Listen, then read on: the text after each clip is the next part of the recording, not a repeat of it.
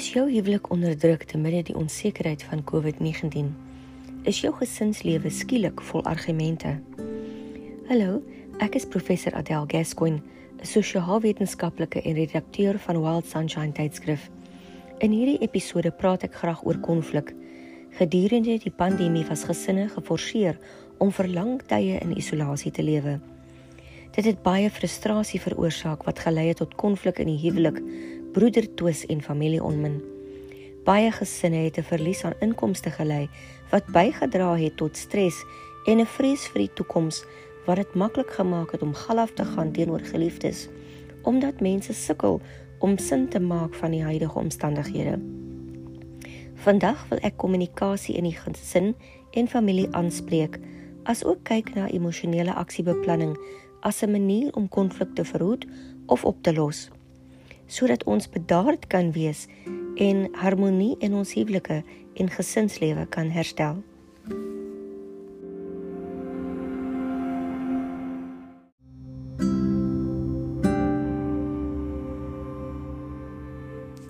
Konflik is 'n normale deel van ons alledaagse lewe en hoewel mens niks van konflik hou nie, het dit voordele.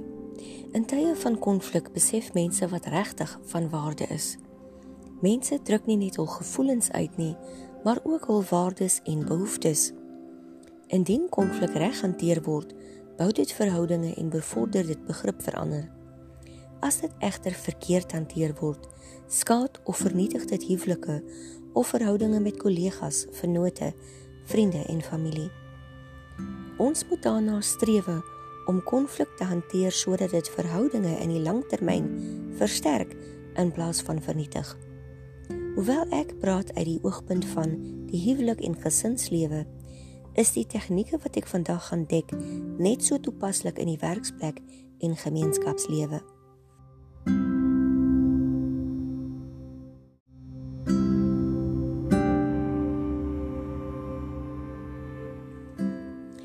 Die gehalte van ons gesinsverhoudinge is belangrik vir ons welsyn.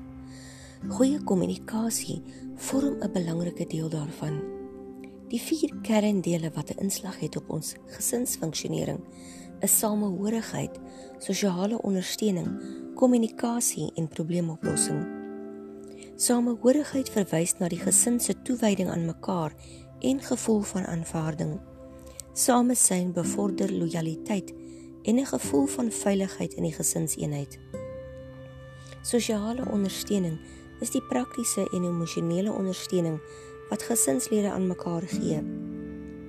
Ondersteuning dra by tot 'n goeie selfbeeld en motivering vir prestasie. Kommunikasie behels tot hoe 'n mate die gesin hul gedagtes, emosies, hoop, drome, vrese, stryd en suksesse met mekaar deel. Eerlike en openlike kommunikasie skep intimiteit en die gevoel dat 'n persoon beide verstaan en aanvaar word Dit is noodsaaklik vir ons welsyn. Probleemoplossing verwys na die mate waarin die gesin of familie as 'n een eenheid probleme bespreek en oplos. In 'n huwelikskonteks wil ek byvoeg dat doelwitstelling 'n deel is van 'n gesonde verhouding. Dit is baie frustrerend vir lewensmaats wanneer hulle uiteenlopende doelwitte het of een persoon 'n belangrike doel najag soos om vir die gesin 'n tuiste of beter lewensomstandighede te voorsien en die ander lewensmaat min ondersteuning gee of die werk saboteer. Egpaar moet duidelike doelwitte hê vir hulself en die gesin as 'n geheel. In die volgende afdeling praat ek oor sosiale ondersteuning.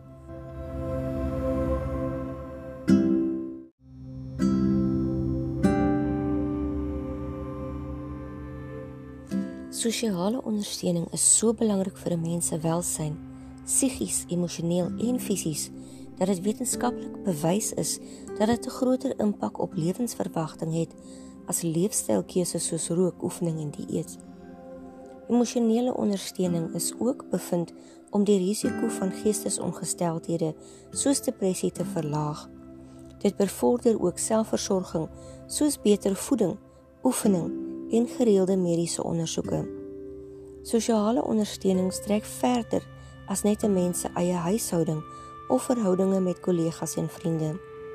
Ek het persoonlike ervaring daarvan dat 'n vertrouensverhouding met 'n goeie vriendin 'n mens laat voel of jy werklik gehoor en verstaan word en 'n ander persoon se perspektief bring insig en ook aanmoediging om probleme op te los wat mens in die langtermyn baat. Waak egter teen ja-broers wat jou in kwaad versterk of aanhits.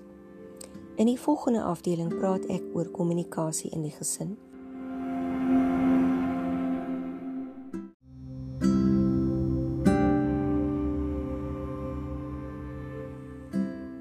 Dit is belangrik dat eggenote saamstem oor basiese regte wat die grondslag vorm van kommunikasie in die huwelik en gesinslewe. Elke lid van die gesin of huishouding moet die reëls verstaan en daarby hou. Hier is van die basiese reëls wat u in plek behoort te hê.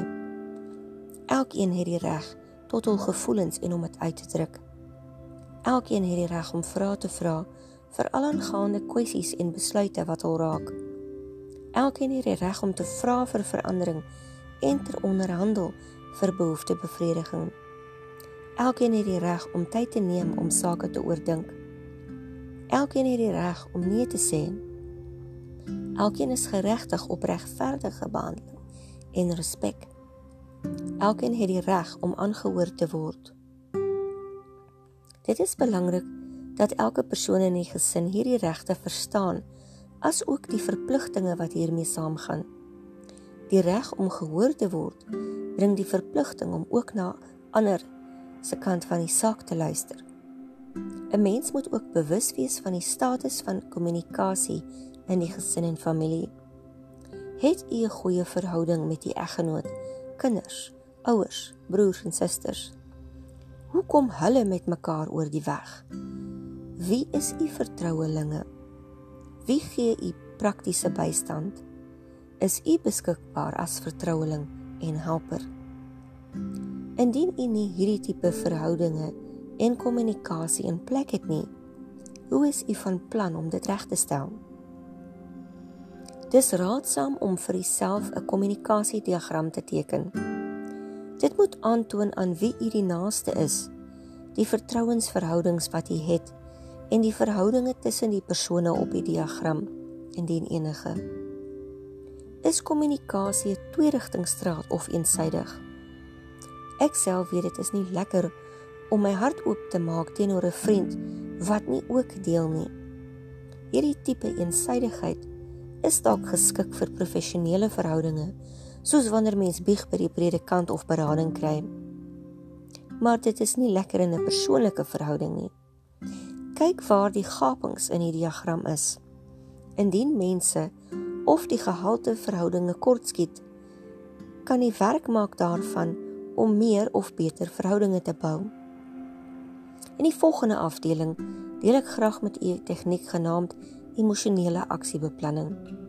Dis 'n waardevolle emosionele intelligensievaardigheid wat kommunikasie verbeter en konflik ontlont.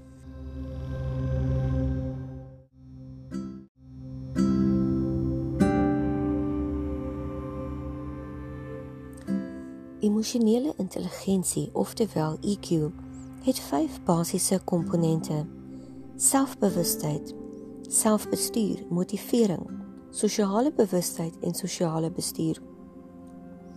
Emosionele aksiebeplanning is 'n tegniek wat ek ontwikkel het wat oor al 5 hierdie EQ-komponente loop. Omdat dit emosionele spoorsny, basiese menslike behoefteteorie, selfgelding en probleemoplossing kombineer, is dit die voorkeur konflikbestuur en konflikoplossing metode. Afhangende van wie se teorie u navolg, is daar 32 of 45 menslike emosies. Die meeste mense kan nie eers die helfte van die lys opnoem nie, maar dit is fisiologies in die liggaam ingebou. Die liggaam weet alles die verstand nie bewus nie of kort dit die woordeskat. Ek kan meer lees oor emosies en emosionele aksiebeplanning in my boeke getiteld Making Your Emotions Work for You en Ultimate Truth and Lies wat albei op Amazon en Amazon Kindle beskikbaar is. Kortweg is die formule vir emosionele aksiebeplanning dieselfde as die formule vir selfgelding, maar elke been ontbloot spesifieke inligting. Die formule is ek voel wanneer jy omdat in gewone selfgeldingsoefeninge word die spreker toegelaat om die ruimte te vul met wat ook al in hulle gedagtes opkom. Ek vind egter dat dit gewoonlik na omdat slegs die situasie of emosies verder skets. Vir my sê dit dat die spreker nog nie die kern van die saak blootgelê het nie. In emosionele aksiebeplanning behoort dit egter so te verloop. Ek voel. Nou gee u die naam van een van daai 45 emosies. Wanneer jy hier skets u die gebeure wat aanleiding gegee het tot die gevoelens. Omdat Nou koppel u die emosie aan die onderliggende menslike behoefte wat ter sprake is. En dan voeg ek 'n vierde been by. Ek benodig of wil hê. U sê wat u behoefte is. Wat moet die ander persoon doen of voorsien? Dit is ook dikwels 'n goeie tyd om mense te laat verstaan hoekom samewerking in hulle belang is en wees dan voorberei om te onderhandel. Hier is 'n voorbeeld van hierdie model. Ek voel kwaad wanneer jy jouself help met parfuum uit my handkas omdat dit inbreuk maak op my privaatheid en my minag. Ek wil hê dat jy my voortaan moet vra as jy iets wil hê. Ek is baie seker jy sal nie daarvan hou as ek in jou goed begin krap nie. So kan ek staat maak dat jy voortaan sal vra asseblief. Emosionele aksiebeplanning verg 'n bietjie oefening want dit kom nie natuurlik nie. Dis nie ons eerste reaksie nie. Dit word wel makliker indien u dit gereeld oefen. U behoort gou te sien dat hierdie manier van kommunikasie verhoudinge verbeter.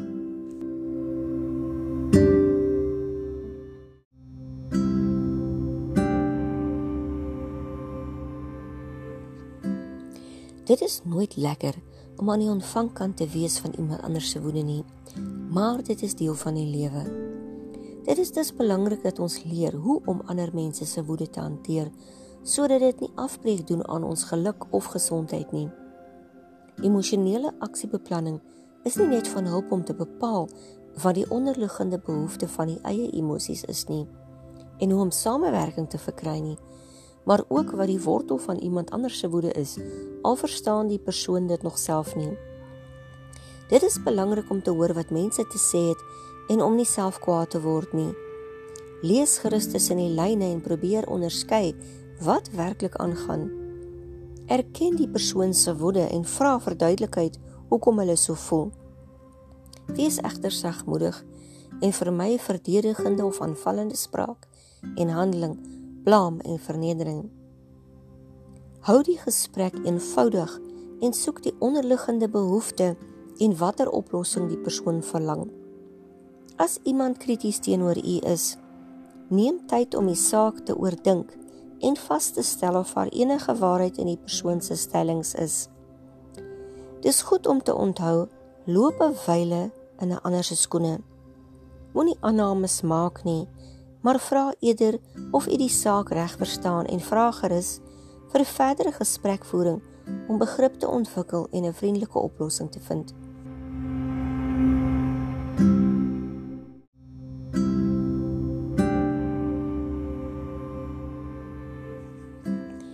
Dis belangrik dat ons leer om nee te sê. Sommige metodes is egter beter as ander. Jare gelede het ek as 'n kassier vir Edgars gewerk Ons het 'n glimlagveld tog gehad omdat vriendelike personeel kliënte meer welkom laat voel. Een kliënt het 'n paar skoolskoene wat duidelik misbruik was teruggebring omdat dit venters was voor die waarborg verstryk het. Ek het geweier om die skoene om te ruil en 'n bestuurder moes geroep word op versoek van die kliënt. Met 'n breë glimlag op sy gesig het hy vir die dame gesê: "Jammer, maar ek kan nie hierdie skoene omruil nie." Haar reaksie was: "Jy lyk glad nie jammer nie." Ek was jammer vir die vrou, maar dik van die lag. Mense maak dikwels die fout om verskoning te vra omdat hulle nee sê. Dis hoflik, maar nie eerlik nie en daarom maak dit die deur oop vir verdere pogings om u te oortuig. Daarom raai geleerdes aan om seker te maak dat u woordkeuse en lyfstaal ooreenstem. Skud u kop nee terwyl u nee sê. Vermy gerig die gerus die glimlag. Dit sal of 'n argument uitlok of aanstoot gee. Sê eenvoudig nee sonder om lang redes te verskaf. Hou dit kort. Byvoorbeeld: Nee, ek het nie tyd nie. As jy dikwels 'n nee in ja verander, koop tyd deur te sê u wil die saak oordink.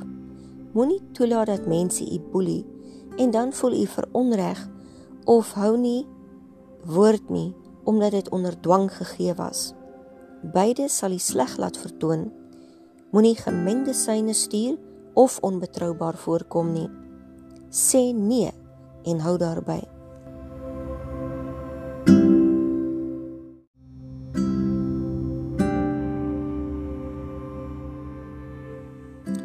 Die sleutel tot goeie verhoudinge is toewyding, kommunikasie en ondersteuning. Dit neem tyd en moeite om verhoudings te ontwikkel. Die enigste wyse waarop u verhoudings kan kry wat u verlang, is om uit te reik na mense tuis in die gemeenskap en by die werk en aktief te werk om die verhouding te bevorder. Daar is altyd 'n risiko van verwerping, veral wanneer u uitreik na mense met wie u nie 'n goeie verhouding in die verlede gehad het nie maar die risiko is dikwels die moeite werd. Waag 'n kans en stel jouself beskikbaar aan ander mense. Selfs al aanvaar hulle nie die aanbod nie. Soos die gesegde lui, geen mens is 'n eiland nie. Doen jouself 'n guns en reik uit na mense. Somstyds kry mens nie die resultate wat mens verlang nie, maar ander kere oorskry dit u wilste drome.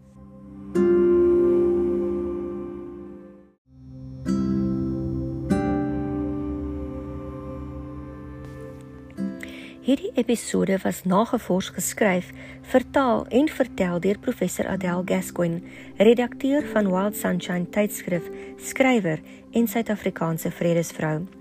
Adele het 'n doktorsgraad in gedragswetenskappe en diplomas in persoonlike dieetkunde en reinorterapie. Wild Sunshine Media erken met dankbaarheid die befondsing van die departement sport, kuns en kultuur wat hierdie podcast moontlik gemaak het.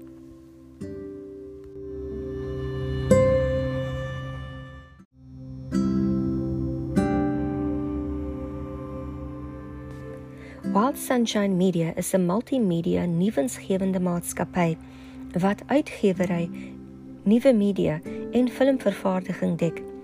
Wild Sunshine tydskrif is 'n maandelikse digitale leefstyl tydskrif wat beskikbaar is op Maxter, ons verkose internasionale afsetpunt. Wild Sunshine tydskrif het uitstekende artikels oor die huwelik, ouerskap en gesondheid wat u gerus kan gebruik vir beter lewensgehalte ten spyte van die COVID-19 pandemie. Teken gerus vandag in op maxter.com.